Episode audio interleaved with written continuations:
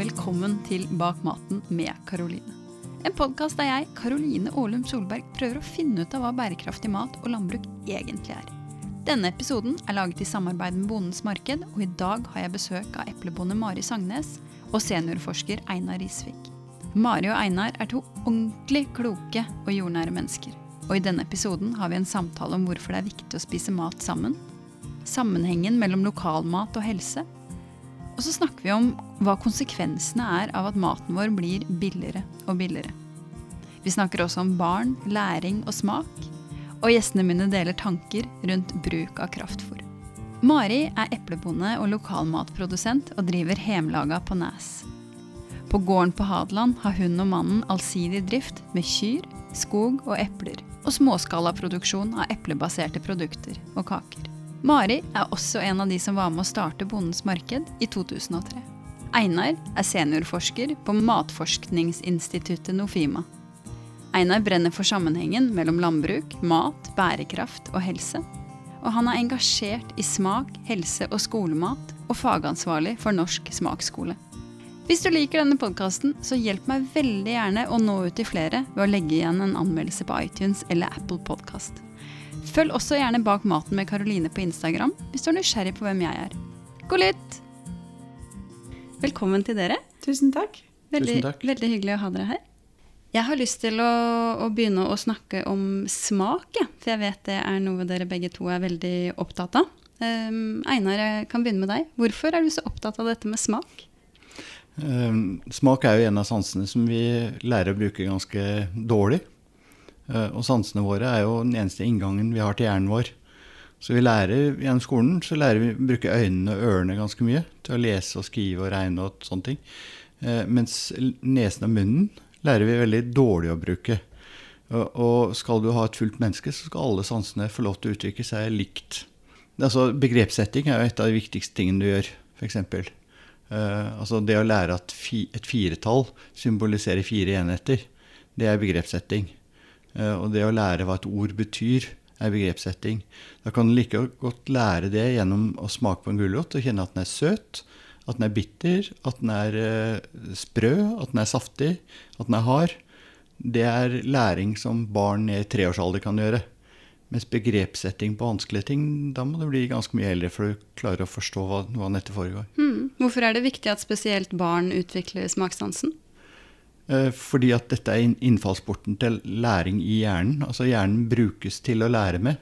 Og eh, hvis du ser på evolusjonært, da, så er jo eh, lukt og smak i hjernen tar større plass enn eh, øre og øyne. Eh, og det er fordi at evolusjonært sett så har det vært viktigere redskaper for oss for å kunne ta avgjørelser. Altså når du lukter på ting, så har du ikke putta i munnen ennå. Og når du smaker på ting, så er det for å ta en avgjørelse om du skal spise eller ikke. Men det er ganske viktige avgjørelser for oss som art. Ja. Mhm. Og så er det jo morsomt, da. Å kunne lære seg å smake. Å kunne beskrive smaker. Og ikke bare ha sånne barn som sier 'Å, æsj'. Mhm. Det, det er veldig hyggelig at de kan lære seg de forskjellige smakene og, og finne ut av ting. At ting smaker forskjellig og er annerledes og er faktisk i de fleste tilfeller veldig godt. Mm. Jeg vet, eh, Mari, at noen ganger når du eh, selger eplene dine på, på Bondens Marked, så har du med deg saftpresse, og så lar du barna få lov til å være med på den prosessen og også smake. Hvorfor er det viktig for deg å engasjere barna? Jo, fordi at jeg tror det er, det er viktig læring, og fordi at det skaper interesse. Og så syns jeg det er viktig at de kan se hvordan ting blir til. Altså fra et eple til det er jus, og det tar, at det er bare så fort gjort som å rive det og presse det. Eh, sånn at eh, det er læring, rett og slett. Og at man virkelig kan få smake hvordan det smaker. da. Når det ikke er pasteurisert, ikke er gjort noe med. At det er helt ferskt. Men så blir hun kanskje litt overrasket at eh, det smaker ikke riktig sånn når ting er pasteurisert eller gjort noe med. Og så ser du at det, det bør ikke være perfekte epler du putter oppi for å lage, lage jus. Det kan være flekkete og stygge epler, så sant det ikke er råte. Men, men alt annet det går jo an å gjøre noe med. Og det er viktig å lære dem å ta vare på ting, ikke bare la det ligge og råtne. At ting kan bli til noe. Og, og det som jeg syns er morsomt med mat, da, at da kan barn helt ned i treårsalder lære om sånne ting. Eh, mens derimot det å gi de dårlig samvittighet for at de er med foreldrene sine på en flyreise, det syns jeg er veldig dårlig gjort. For det kan jo stort sett barn ikke gjøre noe med. Men de kan lære på sitt vis og på sitt nivå om, den, om sånne ting vi snakker om nå. Det tror jeg, da, da, skjønner de hva det dreier seg om, på en helt annen måte. Ja, og at foreldrene har tid til dem. Så ja. ha tid til å lage mat. Og tid til å bruke ting som ikke er det mest perfekte. Da er vi jo litt inne på, på dette med de sosiale rammene rundt, uh, rundt maten og måltidet. Og, og før, vi, før, vi, begynte her i dag, uh, Einar, så, så, fortalte du eh, hvor mye det betyr for deg, de sosiale rammene rundt, rundt måltidet. Og og mens du fortalte, så, så, fikk jeg faktisk tårer i øya. For det, det, rørte meg veldig. For jeg kjenner at jeg har, uh, har, kommet dit hvor jeg er så opptatt av mat og ernæring og næringen i maten at det, det blir nærmest en sånn eh, grå maskin som skal spises så sunt som mulig. Og så har jeg rett og slett bare glemt da, uh, hvor viktig dette sosiale er. Kan ikke du, kan ja, ikke du fortelle litt mer rundt det?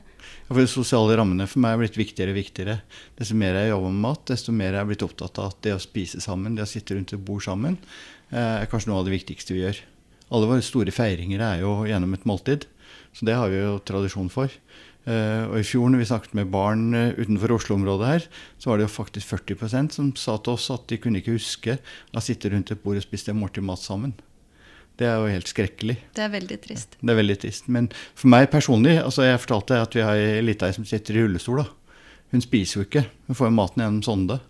Eh, men for henne er måltidet det viktigste eh, som skjer. For det er den situasjonen hvor hun har kontroll på alle menneskene rundt seg. Da sitter alle sammen, sånn at hun kan se dem. Og hun smaker på all maten sammen med oss. Og hun forteller oss hva vi skal gjøre, og hvordan vi skal gjøre ting. Hun, hun, det er en sosial situasjon hvor hun har fullstendig kontroll. Og det er altså kanskje noe av det viktigste for henne av alt. I fjor fikk vi også støtte eh, på den måten å tenke på fra den sosiale undersøkelsen vi gjør på skolene hvert år, hvor ungdomsskoleelevene sa at det viktigste ved å gå på ungdomsskolen var å være sammen med de andre. For de skal jo gå fra barn til voksen i løpet av ungdomsskolen. Og de trenger altså tid sammen for å kunne hjelpe hverandre i den prosessen. Eh, og så har de ikke noe plass på skolen hvor de gjør det, annet enn måltidet. Og nå sitter de og ser på TV og hører noen som leser bøker, eller sitter med iPaden sin. Så den prosessen gjøres jo fryktelig mye vanskeligere. Eh, så de vil jo absolutt, alle de ungdomsskolene jeg kjenner, sier at lunsjmåltidet for dem er noe av det viktigste de har på skolen. For at da kan de snakke med hverandre. Så jeg tror at mye av det som har med selvmord å gjøre, og tvangstanker og depresjoner og ensomhet og sånne ting, kan motvirkes gjennom det å være opptatt av å ha det sosiale rundt måltidet som en ramme for det å være sammen. Jeg tror det er helt undervurdert. Ja tror det er helt Måltidets betydning, det, det rammene rundt måltidet, tror jeg er helt, helt det, det, er ikke nok lagt vekt på. Og det er ikke nok uh, heimkunnskap i skolen. Det er ikke nok læring i det. Og jeg tror ikke at det er så farlig hva du serverer. At det behøver ikke å være et gourmetmåltid. Server grøt eller havregrøt, men gjør det og spis det sammen de skolene som, ser, som, har begynt å gjøre akkurat det, servere havregrøt, f.eks. i eksamensperioder, eh, ser jo at barn kommer på skolen en halvtime før for å være sammen. Mm. Og så ser de resultatet i form av mer ro og bedre karakterer. Ikke nødvendigvis maten, men altså når vi kunne sette oss ned og oppleve ro rundt måltidet og, og ha gode måltidsopplevelser sammen, så stiger også karakterene, og mobbinga synker, Uh, og depresjonene blir mindre av. Så jeg tror at i sånn selvmordssammenheng så tror jeg det kunne vært en viktig strategi. Mm. Nå skal vi bruke milliarder på å redusere antall selvmord i Norge. Jeg tror jo at uh, de pengene like gjerne kunne vært anvendt på skolemåltid. Og at vi hadde fått mye igjen der også. Med læring rundt matbordet. Ja. ja. Og så er det jo mye sosialt du lærer når du sitter rundt et bord. Du lærer, du lærer å oppføre deg sosialt, og du lærer å omgås folk. Og, og, det å samle forskjellige mennesker rundt et bord, det er jo ikke noe som er så spennende som det. Mm. Jeg har lyst til å gå litt tilbake til, til den sosiale settingen rundt, uh, rundt, måltidet. For jeg opplever jo at flere og flere spiser alene, og flere og flere spiser foran TV-en, som du sier, mens de jobber i lunsjen og, og sånne ting. Har dere noen tanker om, om hvorfor det er sånn? Hvor, det så hvorfor er det sånn i dag? Vi har det jo så travelt. Vi Ja. har det så travelt at vi har ikke tid til å, tid til å spise det måltidet i fred og ro og sammen. Og, øh, og noe med det er at øh, så skal den ene på fotballtrening, og så skal den andre på håndball, og så skal en på svømming, og så, så går det rundt øh, hele tida. Og en sånn prestasjonsjag på at jeg må, jeg skal, og foreldrene skal trene, og foreldrene skal det ene, og, og barna skal. Sånn at det, det å sette seg ned og ha tid å være sammen, det tror jeg er helt uteglemt, eller er ikke prioritert. Så det å ha litt bedre tid, og kanskje ikke gjøre noen ting, Gjøre, gjøre mer av ingenting. gjøre mer ingenting. vi har også gått fra et sånn kollektivistisk innstilt samfunn til et individualistisk innstilt samfunn. Noe som da forsterker den der biten der ganske kraftig. Altså Hvis du går tilbake 100 år, så var jo på en måte familien sentrum uh, i, i livet til mennesker. Uh, I dag er det individet som er sentrum. Uh, og da blir jo det vi gjør sammen, eh, mye Altså ofte, oftere nedprioritert, da. Så vi skal mele vår egen kake, skape vår egen karriere, skape vår egen lykke. Og det går jo på bekostning av at vi har noe sammen. Så, så jeg tror at uh, vi må kanskje veie tilbake igjen litt. Altså at vi må få en mer likevekt i det forholdet. Vi må tilbake litt til, til midtet vårt og liksom ta, ta vare på hverandre mm. og samfunnet rundt oss. Og det behøver jo ikke være bare familie du inviterer til å sitte rundt et bord, da, i og med at det er så mange som er aleine. Det er jo kanskje naboen som du aldri har snakka med i blokka, eller på bygda.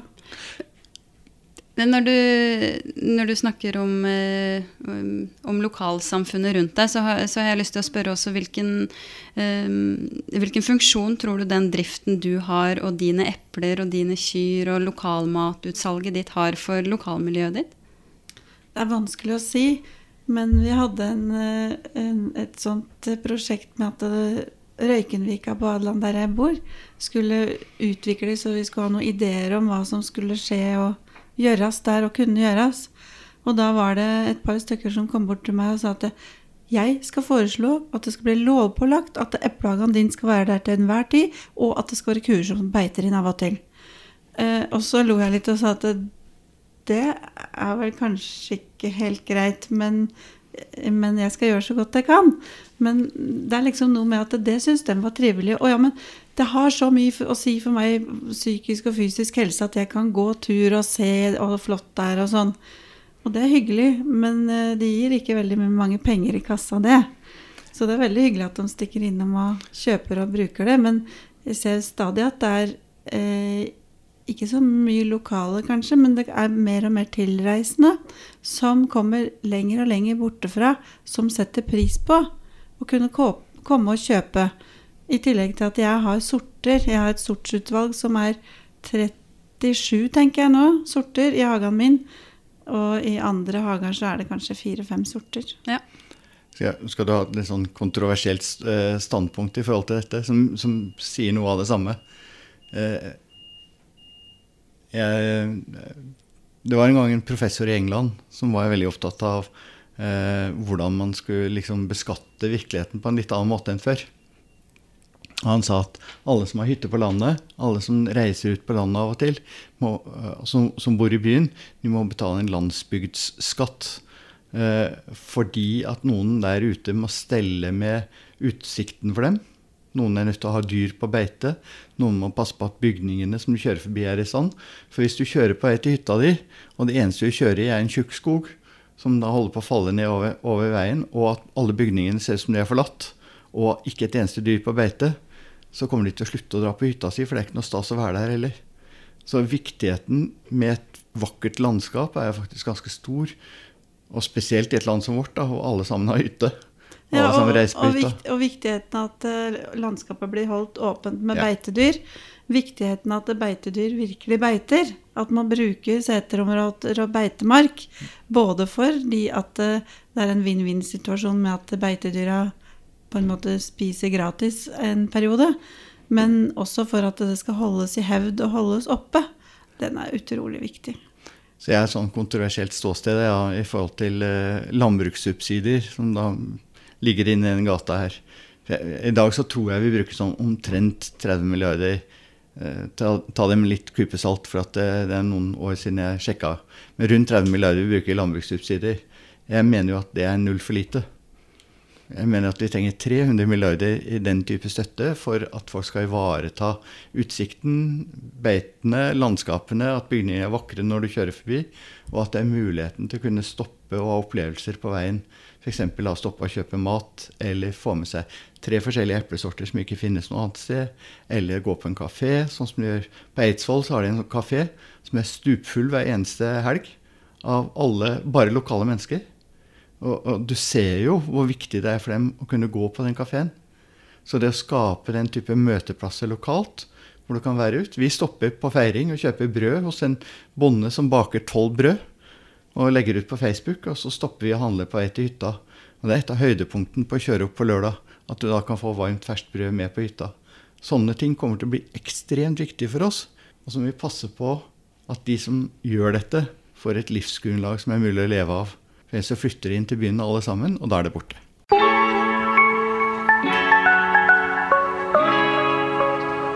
Jeg vet, eh, Mari, at du, du, er veldig opptatt av det her med ærlighet ute i forbrukeren. Kan du ikke, kan du ikke si litt mer om det? Hva, hva, tenker du vi burde vært mer ærlige om?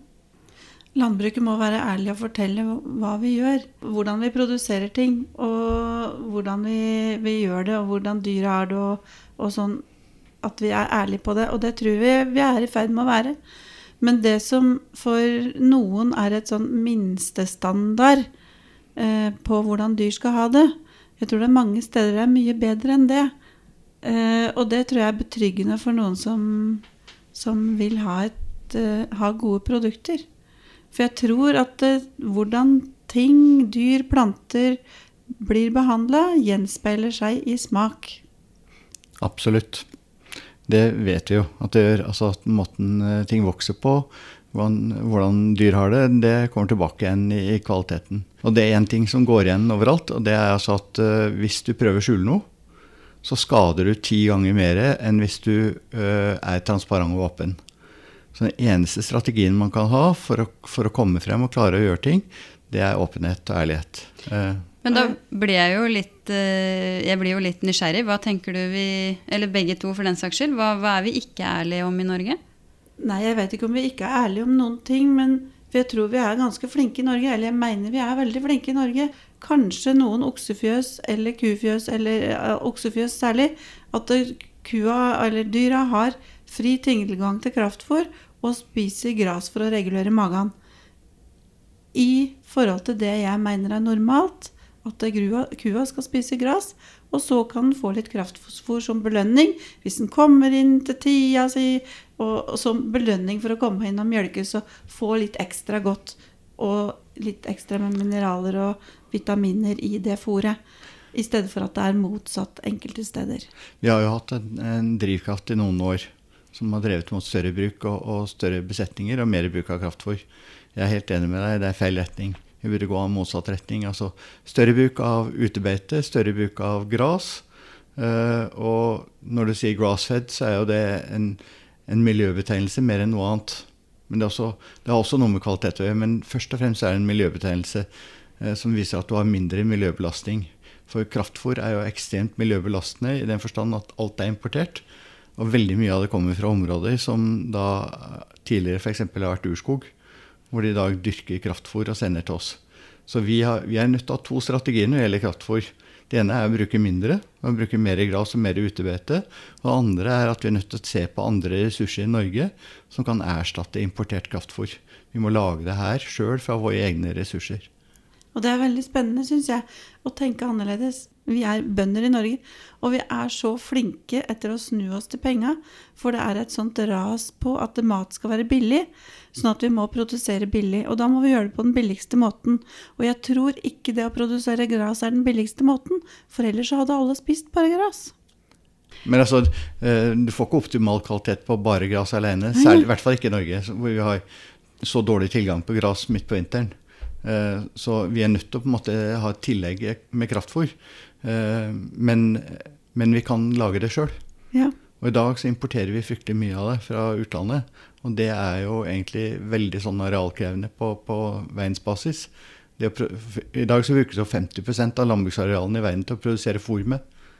Og skal vi altså ned med, med presset på dyrkning i verden, så er det altså fôrbiten vi er nødt til å ned på først. Og da må vi se på egne kilder i Norge for å finne, finne alternativer. Og det er mange. Vi kaster jo fryktelig mye mat. Og det er mye som står igjen ute på åkeren hvert år.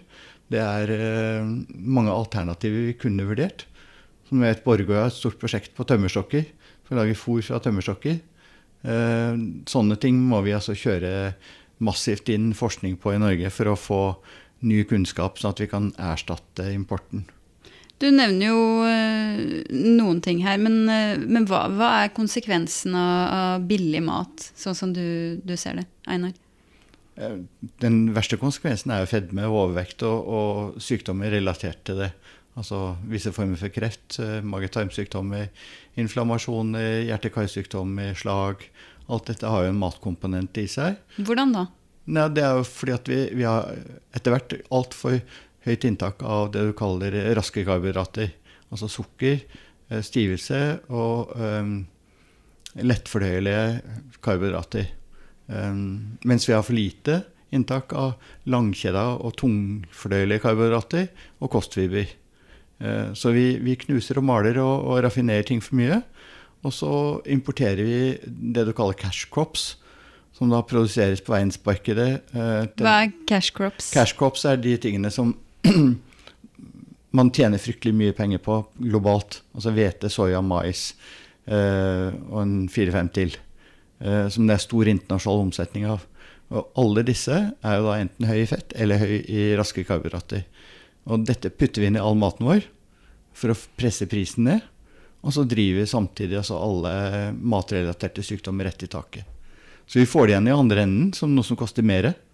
Så hadde vi brukt mer penger på mat, jobba mer for å få de riktige råvarene inn i Norge, og spist riktigere i forhold til kostrådene våre, eh, da hadde vi altså kutta ja, Helsedepartementet sier altså 150-160 milliarder på helsebudsjettet hvert år.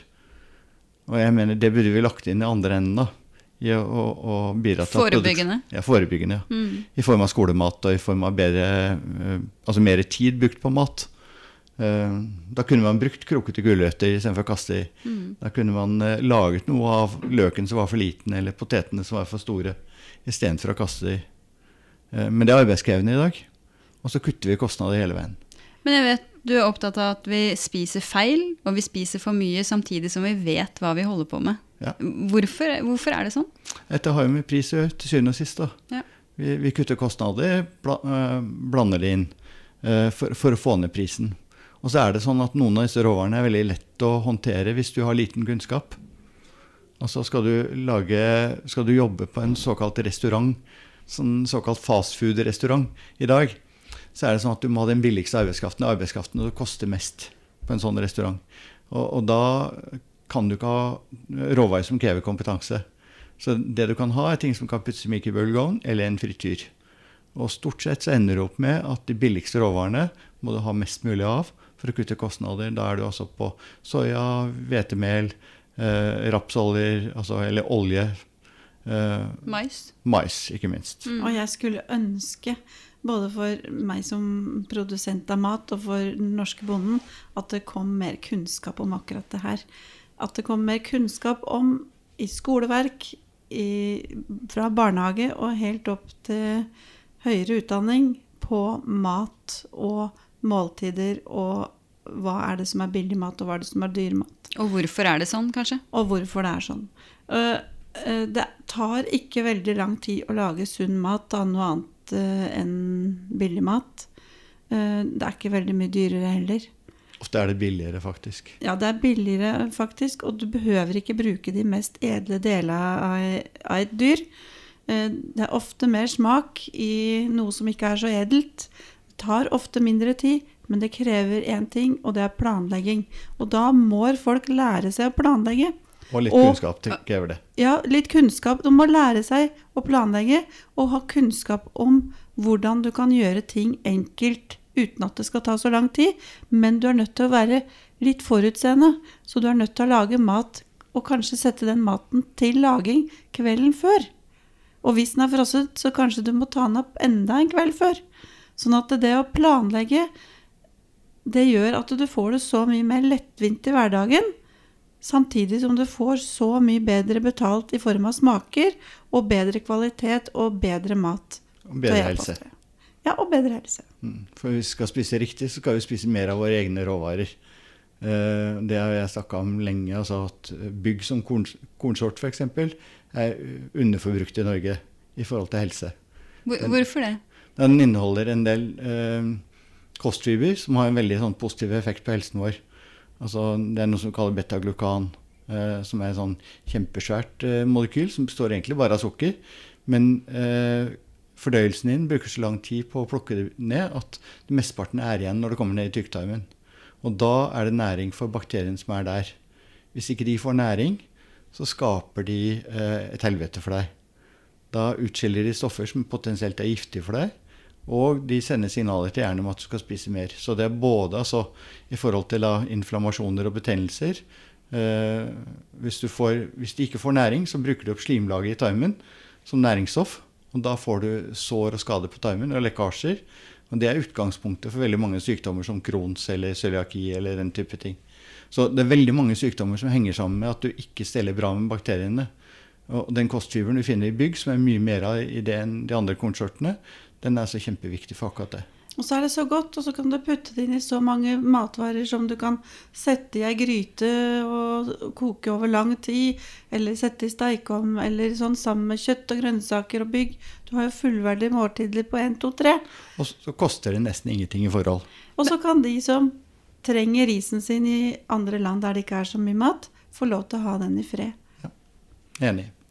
Men jeg vet ikke om de som hører på, hører på dette nå, vet eller har noe forhold til hva slags eh, kornslag vi bruker i Norge, og hva som går til menneskemat, og hva som går til dyrefòr. Kan ikke du sette det litt inn i en kontekst, det her med bygg? Hvorfor er, så, hvorfor er bygg en ting du trekker fram? Hvis du tar litt sånn veldig grove tall, da, og så det, varierer det stort fra år til år Men sånn grovt sett så produserer vi en million tonn med korn i året i Norge. Litt mer, tror jeg, enn det.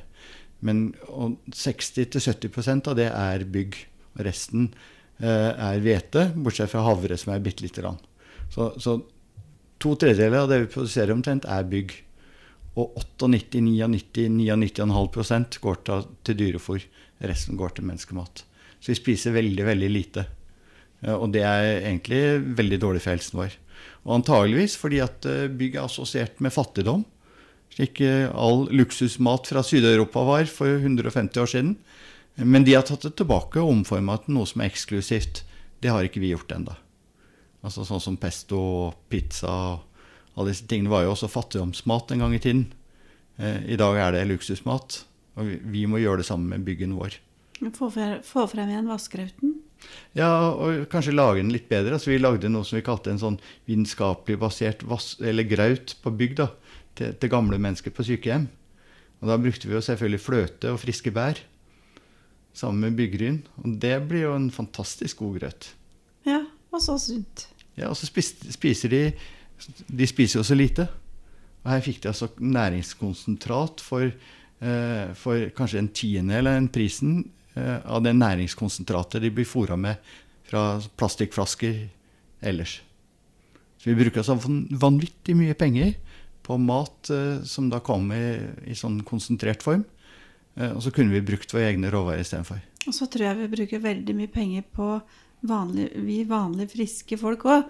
Bruker vanlig, veldig mye penger på sånn eh, tilskudd av alle mulige slag. Mm. I stedet for å lage mat fra bånda og god mat som kanskje inneholder alt vi trenger. Men helse har jo vært, Kjempefokus på helse har jo vært reparasjon etter at du har blitt syk. Altså, fokus i Norge har jo ikke vært på å forebygge for å hindre at du skal bli syk. Det er å ta utgangspunkt i at du er syk og skal reparere etterpå. Og det er derfor den type tilskudd har, har florert veldig. For den der filosofien om at først skal du bli syk, og skal du repareres. Det er det som gir økt bruttonasjonalprodukt. Det er da du får økt omsetning på både helsetjenester og mattilskudd. Alt sammen er kjempedyrt. ikke sant? Og da vokser bruttonasjonalprodukt. Jeg mener jo, og dette er kontroversielt, at alle helsekostnader burde vært unndratt beregningen av bruttonasjonalprodukt. For når de drives oppover, så driver de samfunnet i en veldig usunn retning. Vi burde altså vekta ting som skal inn i bruttonasjonalprodukt på en helt annen måte. Og helse burde vært vekta ned, mens mat burde vært vekta opp som forebyggende. Da ville vi sett noe helt annet. Vi bruker altfor lite penger på mat i dag. Det er altså, eh, helsekostnadene våre i Norge er tre til fire ganger så store som matkostnadene våre per person. Ja, og, og det er ikke sunt. Det er ikke bra for et samfunn at det er sånn. Nei, og mat, Vi, vi, vi bruker altfor lite penger på mat. For vi skal bruke penger på alt mulig annet, og så har vi fått en sånn uh, Jeg vet ikke, men jeg, jeg, kan ikke påstå det kanskje, men jeg syns det er noe veldig rart i at alle matvarekjedene skal fokusere på billig, billig, billig mat. Jeg syns det er en underlig ting. Den slåssinga mellom matvarekjedene på billigst. Hvorfor ikke eh, slåss på kvalitet, på sunnhet, på å gi forbrukerne noe som virkelig er noe. Med oppskrifter, med hvordan man kan gjøre ting, og, og få det lokalt.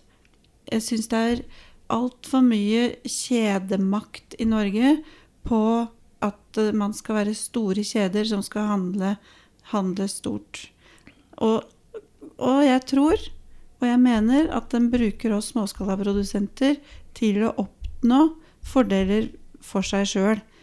Jeg tror ikke de er så veldig interessert i å hjelpe oss som er små, men mange gjør det og syns det ser fint ut.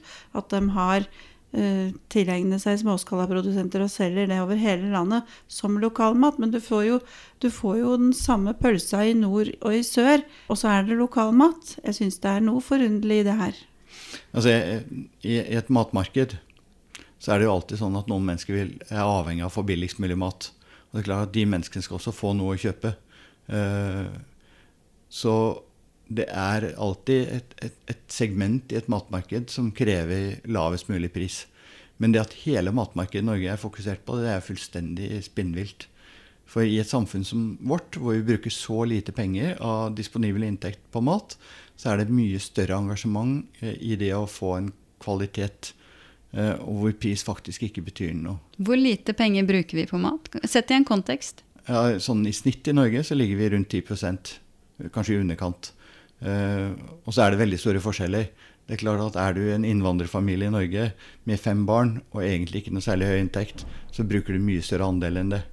Uh, og er du også en, en velstående familie i Bærum uh, med flere millioner i inntekt, så ligger du langt under 10 Eh, men snittet i Norge ligger sånn rundt 10% og det er, det er veldig lavt internasjonalt.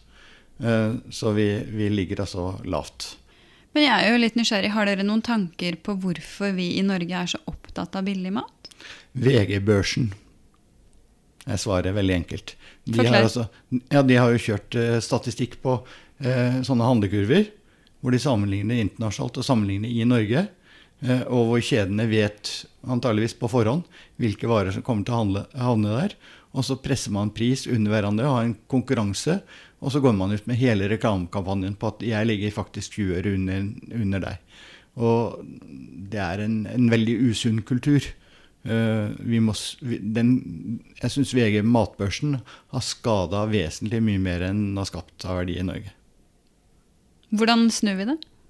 Vi må få et fokus på noe helt annet. Ja, Kvalitet, som vi snakka om nå. Vi må få fokus på kvalitet og mangfold. Og sunnhet. Og vi må stoppe på alle lokalbutikker mm. og Bondens marked og alle gårder med sånne skilt utenfor.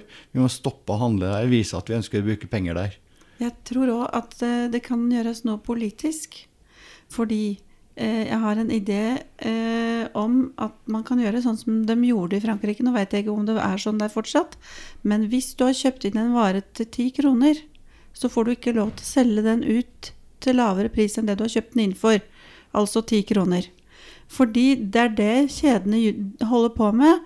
De subsidierer og flytter verdier for å, til, eh, å lokke til seg kunder. Akkurat som de dumpa eh, juleribba eh, i noen år. Eh, så hvis du hadde hatt en lov i Norge som sa at eh, hvis du har betalt 10 kroner hos en produsent for å få en vare, så får du ikke lov til å selge den ut igjen for under det du har gitt for den.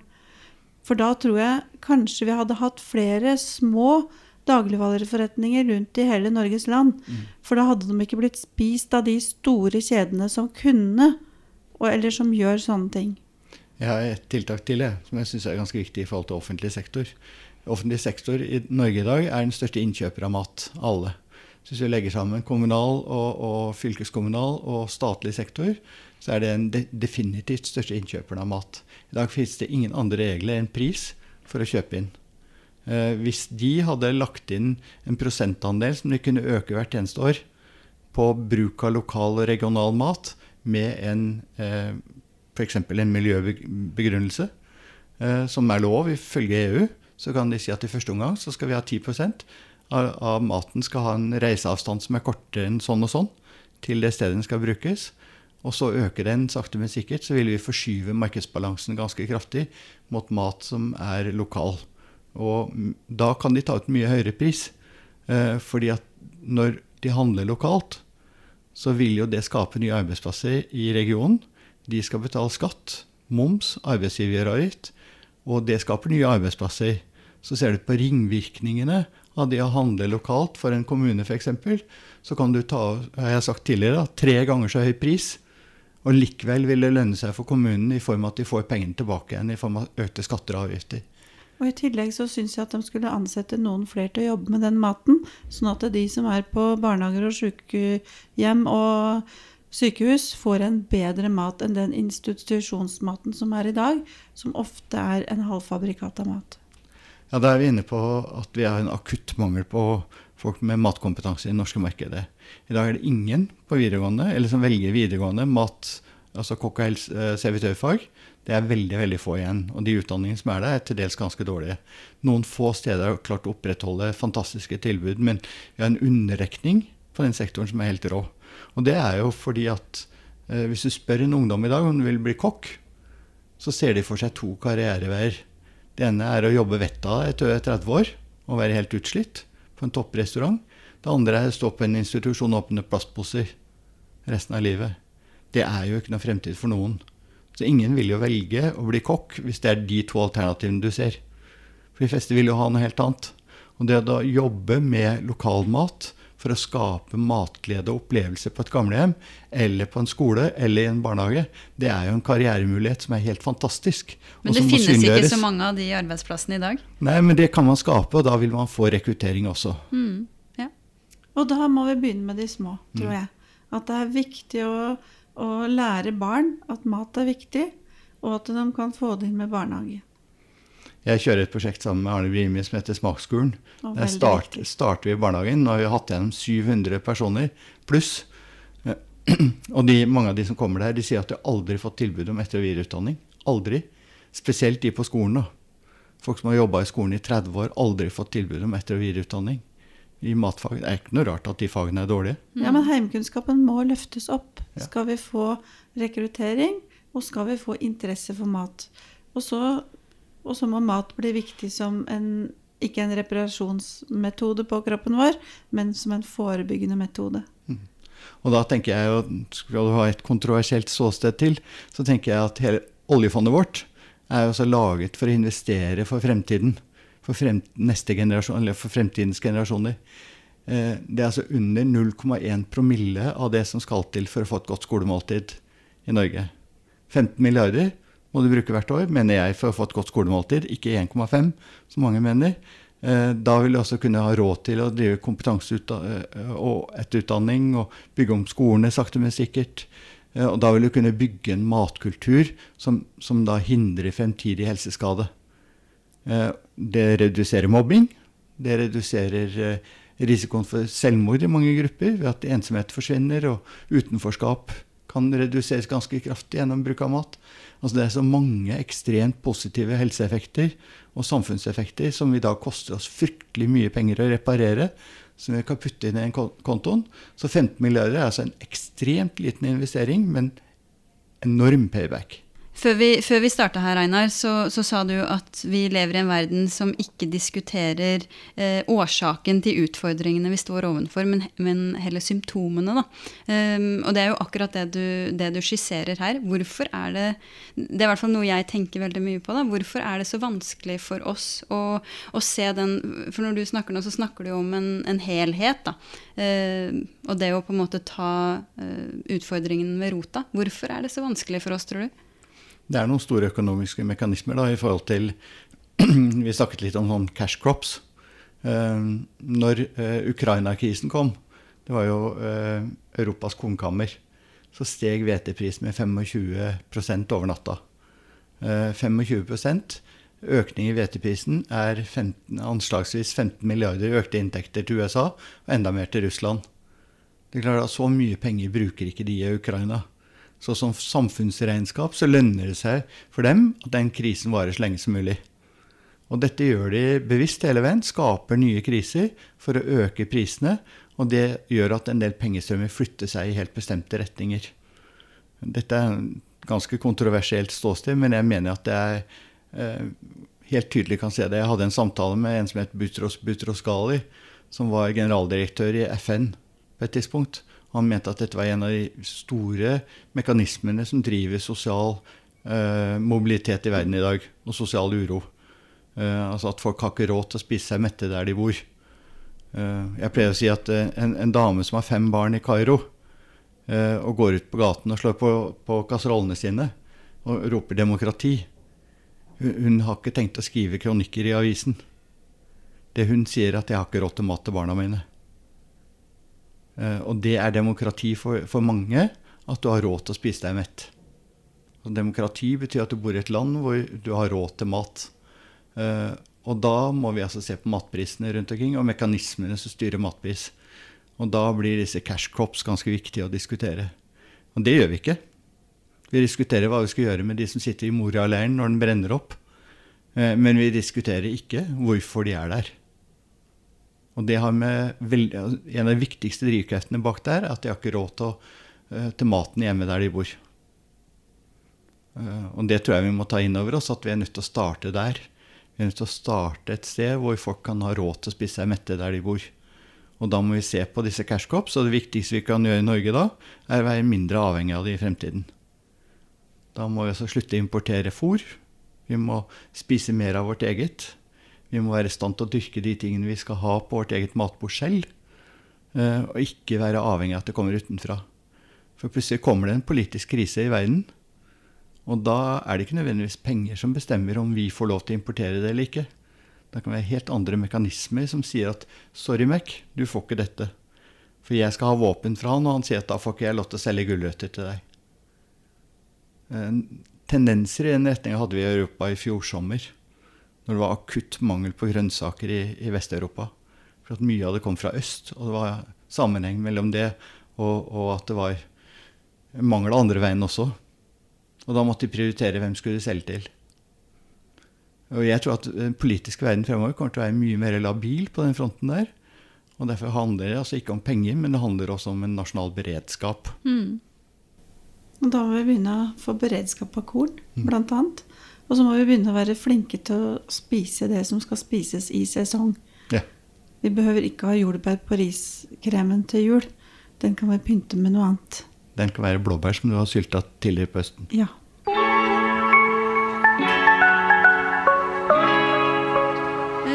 Jeg har lyst til å, å, gå litt tilbake til eplene dine. Eh, ja. For du, du, dyrker jo veldig mange sorter, som vi, som vi snakka om i stad. Kan du ikke si litt om betydningen for deg å, å, ikke ha fire sorter, men å ha hva sa du, over 30? Ja, eh, vi har veldig mange sorter. Noen av dem har, har vi bare et tre av, eller et halvt tre av.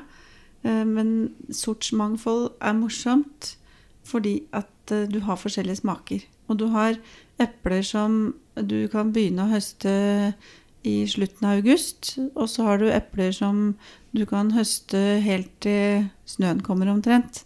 Sånn at eh, du får et, et eh, større vindu å jobbe i. Sånn at det tar lengre tid Jeg høste Jeg må ikke høste alt på en gang. Men at det er økonomisk, det er det slett ikke. Men det er morsomt. Det er desto mer morsomt. Og når jeg sier det liksom uh, til kunder da, at uh, Ja, nei, det er noen flekker her. Ja, så jeg, der har det gått en midd. Og jeg tenker sånn at når en midd har kunnet spist på epleskallet på det eplet jeg skal spise, så er jeg veldig fornøyd med det. Mm. Når den lille tassen av en midd kan overleve på det eplet, da tror jeg det er sunt for meg å spise det eplet. Ærlige epler. Ja, jeg, mm. jeg, jeg, syns det er viktig for meg. Eh, og det samme når jeg velger appelsiner i appelsinhylla til jul.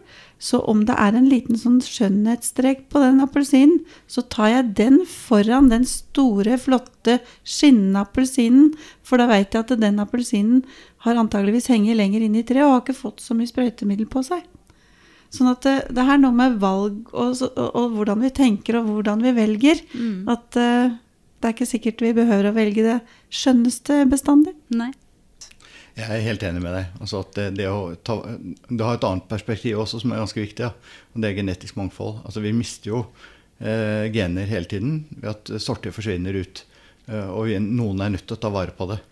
Men altså, i, i Spania så har en vinprodusent som heter Miguel Torres. Han har bygget en egen vingård hvor han samler på gamle druesorter. Og det som i utgangspunktet var et museum, det er jo blitt den viktigste kilden til å ta frem nye sorter og krysse frem nye sorter i dag. Eh, så, så, som genetisk mangfold er det ekstremt viktig at dette blir tatt vare på. Fordi at vi kan altså skape helt nye verdier av det i fremtiden. Og det må vi betale for at skjer. Det er viktig for verden, og det er viktig for oss som samfunn. Og da burde de som spiser disse eplene, innse det. At den kiloprisen på disse er vesentlig mye høyere. Ja, Og så er det morsomt for meg òg, eh, fordi at uh, hvis én sort slår feil, så har jeg andre sorter som på en måte bærer. Eh, fordi de bestøves jo til ulik tid på våren. Og da er, det, da er, jeg mindre sårbar hvis noe skulle gå feil på én sort. Så har jeg noen andre sorter som i hvert fall kommer med epler. Så da får jeg i hvert fall noe. Men tenk deg dette inne i en verden hvor, hvor klimaet, vi får klimaendringer. Eh, hvis den type sorter da, som du sitter med, mangfoldet du sitter med, ikke finnes, så risikerer vi jo at hele produksjonen vår faller ut av bestemte sorter. Da er det viktig å ha tatt vare på de gamle sortene som du kan krysse inn for å klare endringsprosessen over til et annet klima. Så, noen må jo gjøre dette. Ja, ja. Eh, og det må jo samfunnet være villig til å betale for. Eh, samtidig som du sier at det, det smaker godt og det er morsomt. Det, men vi må jo innse at dette også har en stor pris, og at det har en verdi. For akkurat nå så drives vi jo heller i helt motsatt retning. At akkurat. vi spiser nesten bare like ting. da. Mer og mer uh... Mer av de som ligner hverandre. altså Variasjonen blir mindre og mindre, ikke større og større. Ja. Altså Nå har vi i løpet av de siste 20-30 årene sett en helt ny næring vokse frem i Norge som heter eplemost. Det, det er jo da Vi presser epler, og, og literprisen Første gangen vi jobbet sammen og skulle produsere eplemost på, på 90-tallet, så sa alle sammen at det går jo ikke, kan kan ikke ta 30 kroner literen for noe som du får på kartong til 5 kroner. Og så så vi at folk ville ha det likevel. Nå ser vi en ny næring på vei, som er eh, sider. Eplesider. Eh, det er mange flere ting man kan lage av epler. Og hvilke sorter man trenger til de nye næringene, det vet vi jo ikke. Så hvis ikke noen sitter og tar vare på de gamle genene, så er det jo ikke sikkert vi har de tilgjengelig som vi ønsker oss den gangen vi skal starte en helt ny næring basert på dette. Så jeg tror at verdistigningen i samfunnet vårt henger sammen med at noen er villig til å si at dette har en pris, og at vi er villige til å betale for det. Vi er nødt til å, å, begynne å gå inn for landing, dere. Men jeg har, jeg har, noen spørsmål jeg har lyst til å avslutte med. Denne podkasten handler jo om uh, hva bærekraftig mat og landbruk kan være. Og vi har jo kommet inn på veldig mange ting uh, som jeg tenker kan, kan, hektes på den knaggen. Men, men er, det noe, er, det noe, mer dere har lyst til å dele rundt uh, hva, hva, er bærekraftig mat og landbruk for dere? Ja, for meg er det mange ting samtidig. For handler, Vi har jo vært inne på genetisk mangfold her. Det er en viktig, viktig element av bærekraft. Uh, en annen viktig element for meg er jo selvforsyning. Det at vi er i stand til å produsere og, leve her i dette landet, selv om alle grensene våre skulle bli stengt. Så skulle vi kunne klare å ha det bra. Eh, det er et viktig element i bærekraft. Og så er det da at vi gjør det på en måte som tilsier at eh, neste generasjon kan fortsette på samme måte som det vi har gjort. Eh, og i dag vet jeg at jordvern f.eks. er jo kanskje et av de største problemene på, på global skala. Altså at jorda blir forringet og, og klarer ikke å produsere det den skal. Vi er jo kanskje de som ligger i den bedre enden av skalaen i dag. Eh, men det betyr ikke at vi er i mål, vi heller. Så jordvern har blitt ganske viktig for å kunne eh, ta vare på eh, fremtiden. Eh, så, så, det er mange elementer for meg. Og så tenker jeg at bærekraft handler jo også om at eh, eh, at det er lov til å være overalt. da, At det går an å bruke i hele landet. Og da må vi også tillate, som, som du sa tidligere, små gårdsbruk. Det må være gode levevilkår for folk som kanskje ikke produserer all verden, men som eh, produserer eh, vakkert utsyn, eller eh, vedlikeholder av, av eh, kulturlandskap, eller tar vare på gamle dyreraser eller eplesorter, eller hva det nå skal være. Så jeg tror det, det henger sammen, det blir sånn helhetsbilde. da. Så jeg, som sagt tidligere, så syns jeg vi skal tidoble landbruksoverføringene til landbruket. da, For å ta vare på alle disse tingene for fremtiden. Et perspektiv til på bærekraft, det er jo hva vi spiser og hvordan vi spiser. Eh, for i dag så spiser vi veldig mye altså Bortimot halvparten, kanskje litt over halvparten av maten vi spiser, er importert fra utlandet. Eh, og det øker hele tiden. Mens vi har altså et ressursgrunnlag i Norge som tilsier at vi kan spise vårt eget. Så det å flytte over på egne matvarer, det betyr at vi er nødt til å tilrettelegge, og vi er nødt til å lære oss å lage dem på en bedre måte. Altså, Byggryn er i utgangspunktet ganske kjedelig. Det er, det er ikke smakerikken spesielt. Så man må lære å lage mat for å kunne bruke byggryn på en god måte. Uh, og det samme er med veldig mange andre råvarene våre. altså Løk og kålrot og blomkål og sånne ting. Uh, vi har jo ikke vært det mest spennende i verden til å, til å bruke dem. Men det fins et vanvittig stort potensial hvis vi lar oss inspirere fra utlandet. Eksempel pleier jeg å si blomkål. da. De som spiser mest blomkål i verden, det er pakistanere. Det er de som er verdens største produsent av blomkål. Det hadde jeg ingen idé om. Nei, men jeg er helt sikker på at veldig mange pakistanere i Norge kan lære nordmenn å bruke blomkål på en helt annen måte og mye mer spennende måte enn det vi gjør i dag. Mm. Og det vil gagne helsen vår hvis vi gjorde. Hva med deg, Mari? Bærekraft er viktig, og det jeg på en måte gjør hver dag, holdt jeg på å si, prøver å gjøre hver dag, er å, å gjøre ting litt bedre enn det som er blitt gjort før hjemme hos meg. Sånn at jeg har mye å lære og fortsatt å ta vare på den gården som vi har. Altså jeg skal forvalte den gården og prøve å gjøre den i bedre stand enn var når jeg fikk, fikk overta den fra forfedrene mine, og skal overføre den til neste generasjon. Så det blir en sånn Det er litt sånn et motto, da, at jeg skal prøve å gjøre det beste jeg kan med gården og ressursene. Jeg vet ikke om det kan kalles bærekraft, men jeg sier aldri nei til en barnehage eller et skoleklasse om å komme på besøk. Så sant jeg, jeg tror enda ikke jeg har sagt nei til det. Og det håper jeg kan være litt bærekraftig i langt perspektiv. For opplæring av neste generasjon er, er nøkkel. Hvis neste generasjon kan like mye som vår eller forrige generasjon, så går dette ikke særlig bra. De må kunne mer, og de må vite mer, og de må se sammenhengene på en helt annen måte. Det blir en fin overgang til det aller siste spørsmålet mitt. Hva, hva gir deg håp, Einar? Neste generasjon gir meg håp. Ja. Hva med deg, Mari? Eh, jeg håper at eh, det er neste generasjon også, det jeg kan si. Og at eh, opplæring, skolering, kan bli bedre. Det gir meg håp at man kan sette mer fokus på mat og mat. Mat og, mat, mat og måltider. Det å kose seg med maten og ha tid. Og at det billig mat At vi skal slutte å snakke om billig mat. Ingrid Espelid ble spurt om hva gjør deg sint på sin 90-årsdag. Da svarte hun to ting. At uh, utdanninga i mat og helse i norske skolevesenet var lagt ned. Og at vi ikke hadde skolemåltid i Norge. Det var de to tingene som gjorde henne sint. Og jeg syns det uttrykker ganske mye. Men det er, kan si meg ganske enig.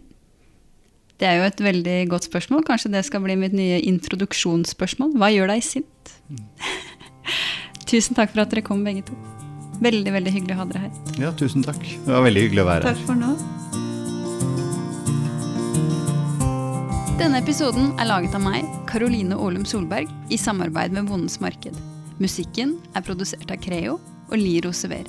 Om du vil dele ris eller ros, så finner du meg på Instagram under Bak maten med Karoline og på karoline at bakmaten.no. Tusen takk for at du hørte på denne episoden, og husk at det utgjør en stor forskjell om du legger igjen en anmeldelse på iTunes eller Apple Podkast. Vi høres igjen neste uke. Ha det!